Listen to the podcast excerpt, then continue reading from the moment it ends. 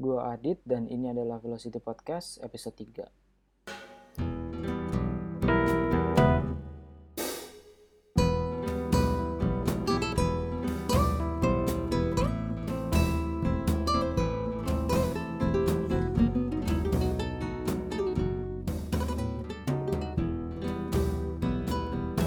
Oke, jadi pada podcast kali ini gua akan bagi-bagi tips eh, khususnya untuk iOS ya, iPhone atau iPad karena bisa dipakai di keduanya.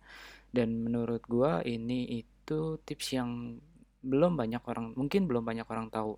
Ya, at least orang-orang di sekitar gua sih belum pada tahu. Jadi eh, daripada lama-lama langsung aja. Untuk beberapa tip pertama, gua akan bahas dari Safari.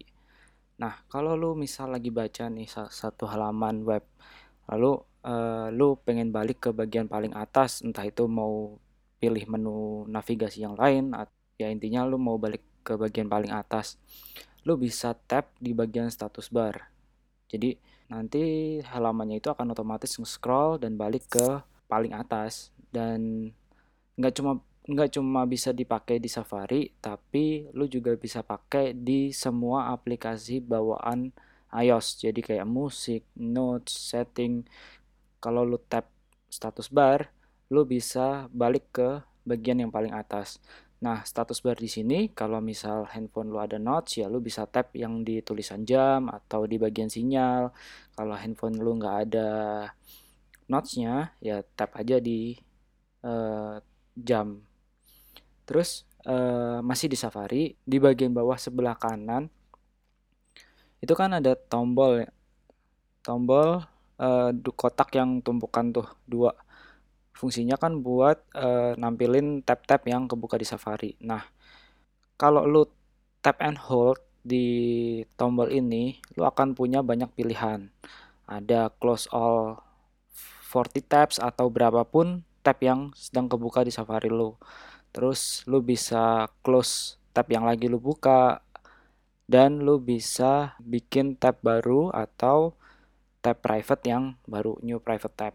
Tap and hold ini cukup berguna ya kalau lu mau hapus-hapusin nih semua tab yang kebuka di Safari. Terus kalau misal lu udah copy link nih dari sebuah aplikasi dan lu mau ke halaman web, lu tinggal tap and hold juga di address bar Safari. Nanti akan muncul tuh pop-up menu. Akan muncul pop-up menu eh, biasanya pilihannya sih dua, paste sama paste and go. Paste and go ini bisa lu pakai kalau lu mau langsung buka halamannya. Jadi lu nggak perlu tap address bar dulu, hapus URL yang lagi lu buka, paste paste link manual, lalu enter. Dah nggak perlu lagi. Jadi tinggal tap and hold address bar, pilih paste and go. Terus eh, kalau misal nih lu sering-sering browsing terus males nih baca iklan atau lu kunjungin website yang iklannya banyak banget, lu tuh bisa manfaatin reading mode di Safari. Jadi setelah lu buka nih halamannya, pada address bar itu di sebelah kiri itu akan ada tombol garis tiga. Nah, lu tinggal tap garis tiga ini untuk aktifin reading mode. Jadi tampilannya itu nanti akan bersih dari iklan, pokoknya enak lah buat baca. Nah, eh, reading mode ini lu juga bisa aktifin di website-website tertentu. Jadi kalau misal lu lu tinggal nandain nih website mana yang iklannya rame. Nah, lu mau aktifin terus untuk website itu lu tinggal tap and hold di yang garis tiga itu terus pilih use on nama websitenya apa atau lu juga bisa gunakan untuk semua website nah kalau lu mau stop pakai ya tinggal tap and hold lagi tap and hold lagi terus stop using on nama website yang akan lu berhentiin pakai reading mode-nya dan udah beres dan lu juga bisa atur reading mode ini tampilan reading mode-nya ya jadi bisa ukuran font, uh, warna background, dan tipe font. Ada beberapa pilihan. Caranya lu tinggal tap uh, tombol uh, huruf A dua besar kecil di sebelah kanan address bar. Itu. Nah, satu lagi nih uh, Safari yaitu open tab in backgrounds. Jadi by default Safari itu akan buka website di tab baru dan lu akan dibawa langsung ke tab tersebut. Dan menurut gue ini cukup annoying ya karena lagi enak-enak baca, lu mau buka di tab baru, lu langsung pindah gitu. Nah, ini lu bisa ganti behaviornya. Jadi lu tinggal masuk ke setting, Safari, terus pilih open links. Dari situ lu pilih lu centang yang in background. Jadi nanti ketika lu buka open in new tab, uh, Safari itu akan buka di background tab yang sedang lu baca. Dari Safari, gue akan bahas uh, tips yang lain. Tips selanjutnya adalah trackpad mode. Jadi Apple di iOS 9 atau 10 itu ngasih fitur yang namanya trackpad mode. Awalnya sih cuma bisa dipakai di iPad. Jadi kalau lu, lu misal tap dua jari di keyboard iPad, uh, keyboardnya itu akan berubah tampilannya jadi jadi trackpad dan lu bisa geser kursor dengan menggunakan dua jari di area keyboard. Nah, di iOS 12 uh, trackpad mode ini Apple bikin bisa dipakai di iPhone dan juga iPad. Kalau iPhone lu dukung 3D Touch, lu tinggal pakai deh 3D Touch di area keyboard. Nah, nanti keyboardnya itu akan berubah tampilannya jadi jadi blank semua nggak ada tulisan apa pun. Dan itu artinya lu udah masuk ke trackpad mode. Lu tinggal geser ke mana kursornya ke mana atau lu bisa sebenarnya lu bisa select tulisan dengan 3D touch juga. Jadi lu tinggal taruh di tengah-tengah lu 3D touch lagi.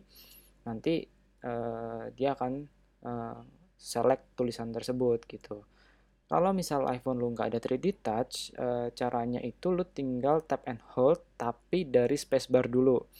Nanti begitu keyboardnya udah berubah jadi tampilan trackpad mode, lu baru bisa geser kursor ke mana pun. Nah, terus selanjutnya, lu tau nggak kalau Spotlight itu ternyata bisa buat cari kurs terbaru loh. Jadi gue sendiri sering pakai. Jadi kalau gue mau misal nih mau tahu berapa sih dolar hari ini, gue tinggal ketik uh, one USD itu IDR. Jadi kurang lebih sintaksnya sih begitu ya. Uh, satu USD itu IDR atau satu pound sterling itu IDR gitu. Nah kalau lu mau ngaliin langsung nih, misal lu mau berencana beli barang online, dia dijualnya harga harganya dalam dolar misal ya lu tinggal tulis aja 49 dolar tuh IDR ntar dia otomatis ngitung dengan kurs hari itu tips selanjutnya adalah lu bisa mindahin beberapa aplikasi sekaligus. Kalau lu udah lama pakai iPhone atau iPad, lu pasti tahu kalau lu mau mindah aplikasi, lu kan tinggal tap and hold di icon sampai dia goyang-goyang sendiri. Terus lu geser deh ke mana tuh aplikasinya. Nah, semenjak fitur drag and drop itu Apple bikin, lu tuh bisa mindahin beberapa aplikasi sekaligus. Caranya adalah lu tap and hold di icon aplikasi, Nah, begitu dia udah goyang-goyang tuh sambil keluar uh, tanda silang di bagian pojok kanan atas, lu tap aplikasi mana aja yang akan lu pindah. Jadi, jari satunya lu pilih aplikasi satu dulu. Nanti jari yang lain lu tap-tapin aplikasi mana aja yang mau lu pindah. Nah, nanti aplikasi yang lu pilih akan numpuk jadi satu. Lu tinggal pindah deh semua aplikasi itu gitu. Gampang kan? Selanjutnya ada fitur shake to undo. Jadi uh, fitur ini cukup bermanfaat ya, terutama kalau terutama bagi gue kalau misal gue tuh nggak sengaja ngedelete uh, email. Jadi gue tinggal shake atau goyangkan iPhone-nya atau iPad-nya dan nanti akan muncul tulisan uh, pop up gitu, do you want to undo bla bla bla. Lo tinggal login aja. Dan ini tuh ternyata ada settingnya aktif secara otomatis to undo ini juga cukup bermanfaat. Apalagi kalau misal lu lagi ngetik nih panjang-panjang terus nggak sengaja kehapus lu tinggal shake aja iPhone atau iPad lu.